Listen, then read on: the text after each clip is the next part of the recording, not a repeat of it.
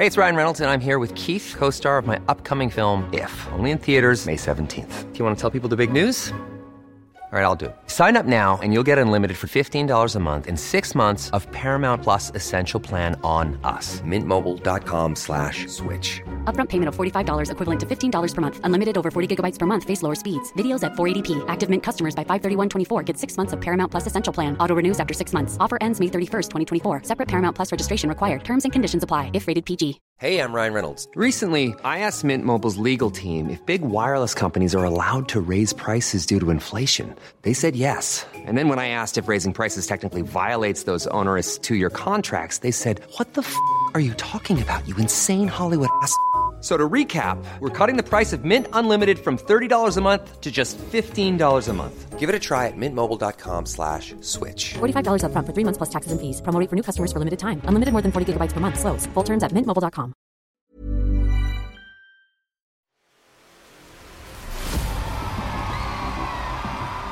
Det är den 26 maj 2006 och 80 000 förväntansfulla finländare har samlats på Salutorget vid Helsingfors södra hamn. Det här är ett populärt turistmål som folk vanligtvis besöker för att handla traditionell finsk mat eller souvenirer från något av alla stånd. Men idag kommer turister inte ens kunna ta sig i närheten av Salutorget. För det är ockuperat av finnar från landets alla håll och kanter och fyllt till den absoluta bristningsgränsen. Vad är det då som orsakar den här uppståndelsen? Jo, det är fyra slagermonster från Rovaniemi i finska Lappland som just kommit hem från Aten efter att ha slagit poängrekord i Eurovision Song Contest. Tagit hem trofén till Finland för första gången någonsin och omdefinierat hur en vinnarlåt i världens största musiktävling kan låta. 12 points goes to Finland. De har skrivit musikhistoria. Och här på Salutorget, fem dagar efter Eurovisionfinalen, ska historieskrivningen fortsätta. Alldeles strax kommer ett nytt rekord slås och skrivas in i Guinness World Records, världens största karaokeuppträdande. För aldrig någonsin tidigare har 80 000 människor sjungit karaoke tillsammans. Och låten som de sjunger heter, som du kanske förstår vid det här laget, Hard Rock Hallelujah. Men något som människorna på Salutorget knappast är medvetna om när de sjunger för fulla halsar är att det inte hade blivit någon allsång om det inte vore för att två amerikanska unga vänner, 30 år tidigare, kämpat med näbbar och klor för att en lokal radiostation skulle spela hårdrocksbandet Kiss. Du lyssnar på Fjärilseffekten, en podcast om små, till synes obetydliga händelser som sätter jorden i gungning. För allt vi gör, vilken mat du bjuder dejten på, hur många varv du tar i löpspåret eller om du går upp när klockan ringer på morgonen eller snosar förbi larmet kan faktiskt, svindlande nog, ge konsekvenser långt större än det är möjligt att greppa och kanske till och med påverka vad som händer på andra sidan jorden. För med fjärilseffekten menas ju att en fjärils vingslag i Amazonas kan orsaka en orkan i Texas. Jag som är med dig heter Axel Hietanen Ingman och i det här avsnittet är det en hårdrocksmotvillig radiostation i USA som leder till att en av världens största musikfanclubs kommer till. Den så kallade Kiss Army som ska komma att utgöra vibrationen som sätter världen i gungning den här gången. För Kissarmén kommer ta sig hela vägen till vårt grannland, Finland och vara direkt avgörande i skapandet av ett av, om inte världens så åtminstone Nordens mest spektakulära rockband, Lordi. Vi befinner oss i Indiana i östra USA och året är 1975. I den lilla staden Terre Haute går de två vännerna, tillika upprorsmakarna, Bill Starkey och Jay Evans, i skolan tillsammans. De båda delar ett, vid den här tiden, ganska unikt intresse. Det nya rockbandet Kiss. Kiss bildas i New York 1973 av fyra killar i 20-årsåldern. Gene Simmons, Paul Stanley, Peter Criss och Ace Frehley. De har hållit på med musik i lite olika konstellationer tidigare men har nu bestämt sig för att gå ihop och satsa allt på ett nytt koncept.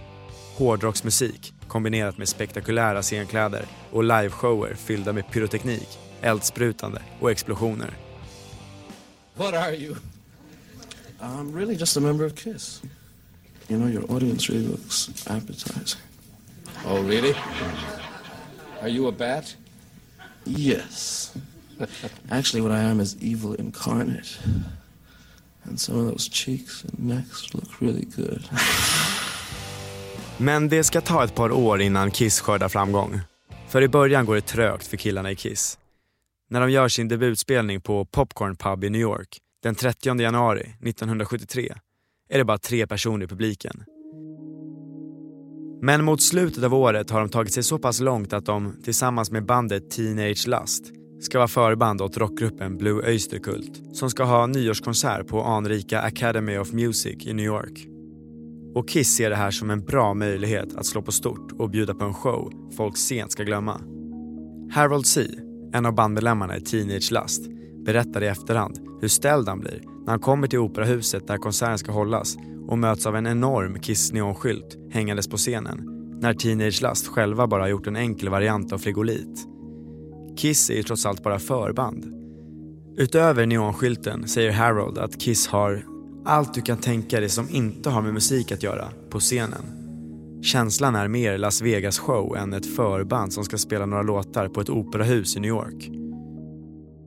Och symboliskt nog är det inte heller musiken som hamnar i fokus under spelningen, utan showen som eskalerar när Gene Simmons ska spruta eld från munnen men råkar sätta sitt hår i brand.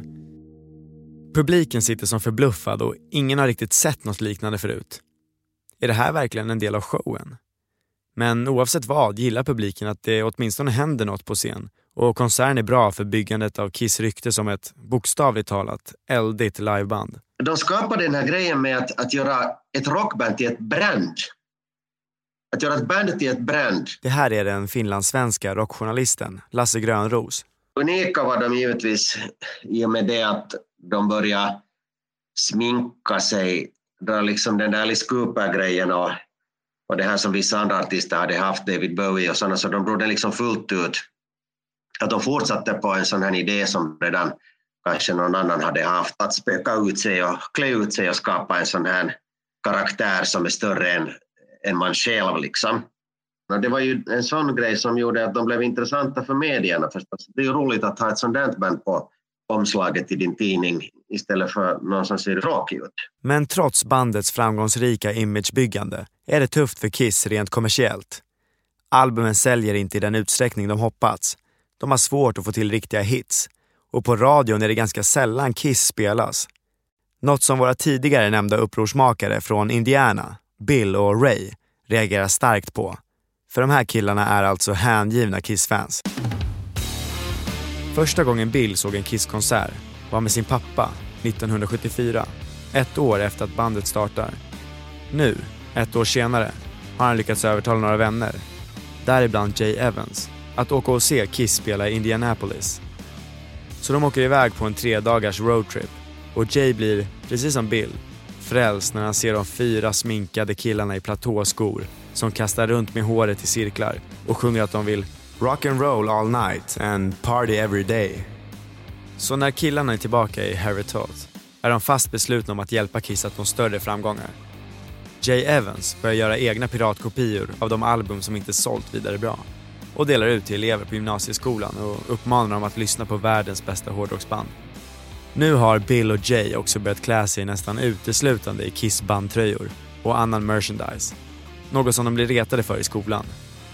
Och en kommentar som gör extra ont och skär ett djupt sår i deras kisshjärtan är när en klasskompis hånfullt säger “Kiss my ass. Om Kiss är så bra, varför spelas de aldrig på radion?” Det är svårt för dem att försvara sig mot kommentaren eftersom den är sann. Det här blir ett wake-up call för Jay och Bill. Det räcker inte att klä sig i Kiss-kläder och dela ut gratis piratkopior av sina idolers musik. Nej, de måste vidta tyngre åtgärder. Så de bestämmer sig för att skicka in klagomål till radiostationen WVTS som tidigare har avfärdat Kiss som en medioker kopia av det kanadensiska rockbandet med en mormon i spetsen. Bachman Turner Overdrive. Själva låtarna är ju välkomponerade, catchiga poprocklåtar så att på det sättet så är det inte kanske helt fel att jämföra med Bachman Turner Overdrive men jag vågar påstå att Kiss låtar var ju mycket bättre och hållit Tiden tand mycket bättre. WVTS svarar kaxigt på Bills och Jays klagande brev genom att spela en av Kiss få instrumentella låtar där de inte ens sjunger. Och när de väl spelar en låt med sång så nämner de inte vilket band som gjort den. Det här triggar killarna som bestämmer sig för att gå ut i krig mot radiostationen. Och det är nu de, utan att veta om det, börjar blanda den trollbrygd som nästan 30 år senare ska komma att sätta världen i gungning när fyra finska troll, eller monster, omdefinierar världens största musiktävling, Eurovision Song Contest, och gör vårt grannland Finland till världens mest inflytelserika musiknation. Åtminstone för en kväll. För det är nu, när Bill och Jay startar krig mot WVTS, som skapandet av vad som ska komma att bli en av världens största musikfanclub sätter igång. För killarna förstår att det krävs en ordentlig strategi för att de, som inte är mer än två pojkspolingar, ska kunna vinna den här David mot Goliat-fighten. Så de ger sig själva namnet Kiss Army för att väcka någon slags rädsla och så skickar de ett hot om att spränga upp hela radiostationen i luften om de inte börjar spela mer Kiss. Och hotet bär frukt. Om det är av rädsla för att bli sprängda i luften av den så kallade armén, som egentligen bara består av två taniga tonåringar med moppemustasch, eller av respekt för killarnas brinnande engagemang, är svårt att svara på. Men DJn på radiostationen, som har slängt de fåtal Kiss-skivor han tidigare haft tillgång till, ber Bill och Jay komma förbi med sina Kiss-album så att han kan kopiera dem och börja spela låtarna i etern. Who are these people? And what are they doing here? And who's that hanging out of the window? And what's he throwing? Wait a minute, one question at a time. These are fans of the rock group Kiss. They've assembled here to pay homage to the four outrageous rockers from New York. Radiospelningarna blir en framgångsfaktor för Kiss, vars armé växer i takt med bandet. Bill, som är högsta hönset i fanklubben, som börjar bli allt mer organiserad, blir kontaktad av bandets management, får träffa sina sminkade idoler och under en spelning utses han till hedersmedlem för Kiss. Bills plan är att driva Kiss Army hemifrån Terre Haute. Men ganska snart får han ett brev från bandets nya affärsavdelning som säger att de kommer behöva ansvara för Kiss Army. Den nya planen är att armén ska bli en business i större skala. För 50 dollar per år får medlemmar nu en Kiss Army t-shirt, en exklusiv Kiss-pin, procentrabatt på merchandise och möjlighet att köpa biljetter till konserter för alla andra. Members of the Kiss Army go to a lot of trouble and expense to look like members of the band. Is it all worth it? Oh, I think so, because in a recent interview, Kiss said that they like fans who look like them. It's a form of flattery or something like that. Have you estimated approximately how much money you would have spent so far? About $2,000. $2,000? Yes, posters, all their records, tapes, singles, just everything. De var de första med att satsa stenhårt på merchandise. De gick mycket längre än bara t-skjortor. Det var lunchboxar, det var flipperspel och, och allt det här. Och inget annat band har haft lika mycket. Jag tror inte ens Elvis har i samma grad haft merchandise och ganska mycket av det skulle jag våga påstå har kommit sen senare. Hey, I'm Ryan Reynolds. At Mint Mobile, we like to do the opposite of what Big Wireless does. They charge you a lot, we charge you a little. So naturally, when they announced they'd be raising their prices due to inflation, we decided to deflate our prices due to not hating you. That's right. We're cutting the price of Mint Unlimited from $30 a month to just $15 a month. Give it a try at mintmobile.com slash switch. $45 upfront for three months plus taxes and fees. Promote for new customers for limited time. Unlimited more than 40 gigabytes per month. Slows. Full terms at mintmobile.com. Hey, it's Ryan Reynolds, and I'm here with Keith, co star of my upcoming film, If, only in theaters, May 17th. Do you want to tell people the big news? All right, I'll do it. Sign up now and you'll get unlimited for $15 a month in six months of Paramount Plus Essential Plan on us. Mintmobile.com slash switch. Upfront payment of $45 equivalent to $15 per month. Unlimited over 40 gigabytes per month. Face lower speeds. Videos at 480p. Active Mint customers by 531.24 get six months of Paramount Plus Essential Plan. Auto renews after six months. Offer ends May 31st, 2024. Separate Paramount Plus registration required. Terms and conditions apply if rated PG. Ganska snart är antalet medlemmar i den inte längre Bill-ledda fanklubben uppe i 100 000 och de drar in närmare 5 000 dollar dagligen i medlemsavgifter. För det finns Kiss-fans över hela världen som vill vara med i armén och under slutet av 80-talet når rörelsen, som började som ett bombhot mot en radiostation, hela vägen till de tusen sjöarnas land. Men Kiss har varit större i Sverige än i Finland. Finland är ett hårdrocksland Men de, de har inte varit lika stora här inte. I början av 1990-talet blir hårdrocksfanatikern Tommy Putansu ny ledare för Kiss Army Finland. Han är bara en liten plutt när Kiss bildas, men lyssnar på bandet under hela uppväxten i Rovaniemi i finska Lappland. Rovaniemi är Lapplands huvudstad och designad av en av Finlands främsta arkitekter, Alvar Aalto, efter att ha bombats ner till grunden av Tyskland under andra världskriget. Men staden kanske är mest känd för att den ligger vid norra polcirkeln och sägs vara jultomtens hemvist. Något som lockar mängder med turister till tomtebyarna Santa Claus Village och Santa Park. På senare år har staden också blivit starkt förknippad med hårdrocksbandet Lordi eftersom det är här Tommy Putansu tar över stafettpinnen för den här historien när han 1992, samtidigt som han är ledare för Kiss Army Finland, får idén till ett musikprojekt som ska baseras på en fiktiv karaktär som också ska vara hans alter ego, Mr Lordi. Tommy har sedan länge varit intresserad av allt som har med monster och skräckfilm att göra. Han gillar hur de ser ut och karaktärernas ofta ganska mörka bakgrundshistorier. Och det här blir tydligt när han börjar skapa sin egen karaktär. För Mr Lordis påhittade bakgrund är minst sagt mörk. Hans pappa är en demon från södern och kallas Duke of the Demons. Och hans mamma är ett troll från norr som heter Angel. Och Mr Lordi blir till när demonerna invaderar Lappland och våldtar trollen som bor där. Han är en oäkting som på något sätt får sina föräldrars superkrafter som gör att han kan ta över makten från demonerna och trollen i Lappland och utse sig själv till The Lord of Lapland. Tommy gör ett soloprojekt som Mr Lordi.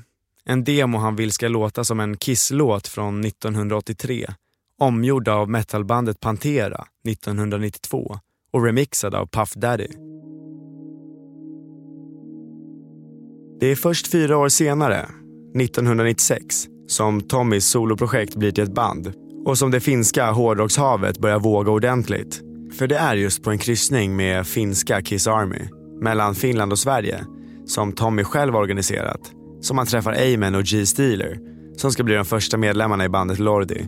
Och ett år senare har de gjort sitt debutalbum Bend Over and Pray the Lord. Tommy Putansu är ju liksom en, ett enormt Kiss-fan. Han har ju massor med Kiss-tatueringar på kroppen och så här. Och det är ju helt klart att Lordi är liksom fullständigt inspirerade av Kiss när det gäller att hur, man, hur man gör en karriär. Men den skillnaden att de, de har genast riktat sig till, till yngre. Att det är ganska snällt, eller det är jättesnällt. Jag menar, Gene sjunger ju om det är mycket sex och, och sånt, men att Lordi saknar det här utan det, det är liksom mer Muppet Show. Genombrottet får Lordi sex år efter att bandmedlemmarna träffats på Kiss Army Finlands kryssning till Sverige. Och det med singeln Would You Love a Monster Man som släpps 2002. Låten ligger etta på listorna i Finland och nu har de satt sig själva på den finska musikkartan. De väckte direkt på en del motstånd nog därför för att de var så barnsliga. Och de dräkterna var ju inte så där jättesnygga kanske. Just att det var så barnsligt så det irriterar många människor. De är inte riktiga hårdrockare tyckte ju en del. Och musikstilen var ju inte så modern heller för att den, den går tillbaka till Kiss. Och han körde liksom den grejen som han gillade och började inte sväva ut därifrån hemskt mycket. Så de var liksom lite omoderna. Så någon vidare respekt verkar Lord inte få av Lasse Grönros och det finska rockcommunityt. Men de säljer skivor. Albumet The Apocalypse, som släpps 2006, säljer trippelplatina i Finland och guld i Sverige. Timingen kunde inte varit bättre. För Lordi har tidigare samma år vunnit den så kallade superfinalen, alltså Finlands motsvarighet till Melodifestivalen och ska representera sitt land i Eurovision Song Contest i Aten den 18 maj. Eurovisionen har alltid varit en, en jättestor tv-händelse i Finland. Det har det varit, fast Finland inte varit så bra där. Att Lordi, med sin något satanistiska framtoning, ska representera Finland i Eurovision Song Contest är inte helt okontroversiellt. Dels så har röster höjts på hemmaplan från de som tycker att bandet är olämpligt och dålig reklam för Finland. Men också i värdnationen Grekland protesteras det mot Finlands bidrag. Det är en grupp som kallar sig Helenes som kontaktar den finska staten och ber dem agera och stoppa monstren från att komma in i landet eftersom det här elaka och satanistiska finska bandet inte är välkommet i Grekland. Mr Lordi besvarar kritiken med att säga att Lordi har ingenting med Satan att göra. Det här är helt och hållet underhållning. Bakom maskerna är vi inte särskilt intressanta, utan bara fyra vanliga människor som inte gör mycket annat än att rasta våra hundar. Men de allra flesta finnarna är ändå stolta över att visa upp sina fyra monster för Europa. För finnarna älskar hårdrock och i ett Eurovisionssammanhang så är det där ungefär det närmaste som man kommer hårdrock. Det, det var ju en, en medryckande låt, det var annorlunda, det var roligt och finnarna tycker om att vara lite galna och klä ut sig och göra sånt här, helst på fyllan. Vi tycker om lite redneck-humor. Så de packar sina dräkter och yxor och allt vad det är och lämnar en mestadels stolt nation bakom sig. Det var första gången man såg någonting sånt här i Eurovision. Man har ju sett liksom spektakulära nummer tidigare. Det här är QX chefredaktör Ronny Larsson som bevakar Melodifestivalen och Eurovision för tidningen. Och han är på plats i Aten när Lordi ställer upp i den europeiska musiktävlingen. Man kände nog att så här, jäklar, finnarna satsar hårt i år på att sticka ut. Det börjar oväntat bra. Finland vinner sin semifinal och får höga 292 poäng och förväntningarna höjs på hemmaplan. Jag tror att hårdrock funkar i det här sammanhanget när det är väldigt melodiöst, nästan slager. Den har ju till och med en tonartshöjning. Så att det är inte så mycket hårdrock egentligen. När folk säger att Lord är hårdrock så tycker jag nästan att nej, det är det väl inte. Det är ju liksom en hårdrockifierad slager. Två dagar senare, lördag den 20 maj, är det dags för final i Olympiahallen i Aten. Lordi går upp på scen som nummer 17. Lordi var ju de som stack ut, men jag, de var ju, tillhörde inte det absoluta toppskiktet när man pratar om favoriterna. Utan där hamnade de i slutet av veckan nästan för att de hade gjort så bra ifrån sig under repetitionerna och framförallt skärmat journalisterna på plats. De gör ett felfritt framträdande och när omröstningen sätter igång visar det sig vara Finland, Ryssland och Bosnien-Hercegovina som segern står mellan. Men det blir inte särskilt spännande. För ganska snabbt rycker Lordi ifrån de andra och när kvällen är slut har de slagit alla tiders poängrekord och segern är ett faktum. Finland har för första gången någonsin vunnit Eurovision Song Contest och det är första gången någonsin ett hårdrocksband vinner tävlingen.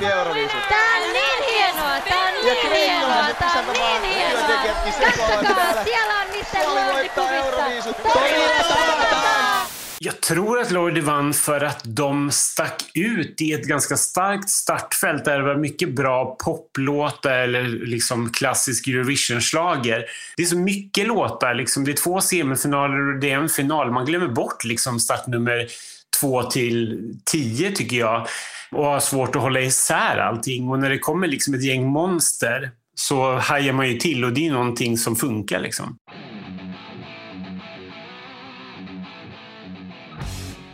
Tyvärr har jag inte möjlighet att spela Eurovision-vinnaren från 2006 i den här podden.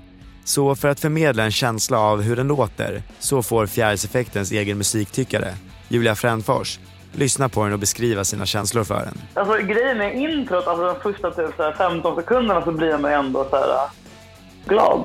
Nu åker vi. Men sen så blir det bara läskigt. Och sen liksom, alltså jag blir, jag blir liksom rädd. Jag kommer ihåg att jag var rädd när den här skiten kom, också för att man ser dem framför sig. Och de sjunger verkligen som monster också. Men trots sin aversion mot låten skulle Julia ändå spela den på klubben om hon fick chansen. Alltså för att man vet ju att det kommer riva, alltså. Folk kommer ju gå apeshit liksom. Det är som sagt historiskt att Finland tar hem segern. Man ska komma ihåg att Finland har varit jätte, jätte scheisse i Eurovision.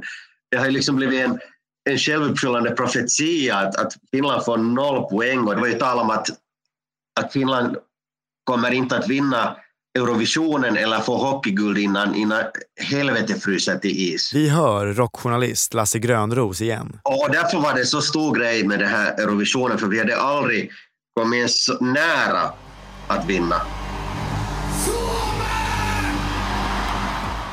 Att Lordi ska få ett värdigt välkomnande när de är tillbaka i Finland är det nog ingen som tvivlar på. Men att det är 80 000 människor som samlas på Salutorget för att sjunga karaoke till vinnarlåten Hard Rock Hallelujah är ändå några snäpp över förväntan. Det var jättetrångt. Och hyllningarna fortsätter, inte minst i hemstaden Rovaniemi, där man döper om ett torg efter bandet och ger Mr Lordi en gratis tomt som man får välja helt själv. Alla älskar ju Lordi då. Och i slutet av året, den 15 december, öppnar restaurangen Lloydys Rock Tarant i närheten av Lloydytorget och på invigningen närvarar Mr Lloydy, jultomten och Rovaniemis borgmästare. Och det gick bra för honom. I restaurangen har man samlat Lloydys scenkläder och annan memorabilia och i matväg serveras allt från kebab, pizza, sushi och hamburgare. Men ganska många sådana här artister som har vunnit eller klarat sig bra i det här får den där stämpeln att du är en sån här Eurovisionsclown. Och om du vill vara liksom ett hårdrocksband och du vill spela på Wacken Open Air, egentligen, så då kan det bli ett sådant negativt stigma. Och när den där Eurovisionsyran har lagt sig så är det liksom inte många som minns Lordi mera om några år annat än på de här värsta Eurovisionsnördarnas liksom nostalgikvällar på gayklubben liksom.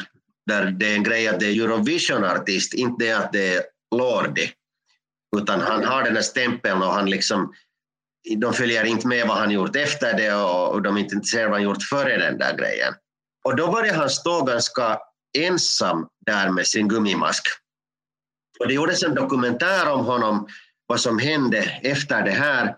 Och det var en ganska brant nedförsbacke och det var en ganska tragisk bild som målades upp när Lordi-restaurangen stängdes i, där i, i Rovaniemi och han fick inte gig mera. Skivbolaget kickade honom för att skivorna sålde inte och det, det var yesterday's papers liksom. Men trots att intresset för Lordi i Finland svalnar fortsätter bandet att spela på festivaler utomlands inför stor publik. Som vill se det där spektaklet. Och bandet har fortsatt göra skivor, men tonat ner den kommersiella biten. Alltså det, var, det fanns en period när du gick till matbutiken och det fullt med Lordi tuggummi och sånt. Och det, var liksom, det blev för mycket och det var för barnsligt. Så han sköt sig lite i foten med det där att vara så där fånig. Men oavsett finnarnas syn på Lordi idag så lever arvet efter schlagermonstren vidare i Eurovision. Jag tror att de på något sätt höjde ribban för spektakulära uppträdanden. De kanske inte lämnade ett jättestort hårdrocksarv, även om det kom några efterföljande låtar de åren efter Lordi. Men jag tror framförallt att de höjde liksom ribban för hur ett Eurovision-nummer kan se ut och hur det kan utmärka sig och vad man kan göra för att sticka ut. Det är nog det arvet som jag skulle liksom säga är den största legacyn som Lordi har. Och Ronny Larsson tycker till och med att det var helt rätt att vår egen Carola fick lämna Eurovision tomhänt till förmån för vårt grannland som skrapat botten i musiktävlingen sedan urminnes tider. Personligen så tycker jag att Evighet är en bättre låt um, som jag kanske lyssnar mer på. Men jag tycker att det är viktigt för Eurovision att flytta fram positionerna. Och att, det, att vi får ta del av massor med olika uttryck. Och framförallt så unnade jag verkligen finnarna segern det här året. Så jag skulle nog ändå säga att den som var mest värd att vinna, det var Finland. De hade ju aldrig vunnit tidigare och det här var ju så stort i vårt grannland efter att de hade vunnit. Lordis seger i Eurovision Song Contest satte avtryck. Inte bara i vårt grannland, utan hela Europa. Under en kväll i Aten var de fyra finska monstren störst i världen. Allt detta tack vare en amerikansk radiostation som genom att vägra spela Kiss satte en av världens största musikfanclubs i rullning, Kiss Army. För utan armén hade bandmedlemmarna i Lordi aldrig träffats och vi hade varit en finsk hårdrocksschlagerbanger fattigare. I nästa vecka berättar jag om hur basisten i 70-talspunkbandet Ramones Didi Ramones våldsamma flickvän Connie ledde fram till att irländska U2 blir världens största rockband. Prenumerera på Fjärilseffekten så dyker avsnittet upp i ditt flöde. Och ge gärna ett betyg i din poddapp. Det här avsnittet har producerats av Klara Wallin och spelats in på Beppo och jag heter Axel Hietanen Ingman.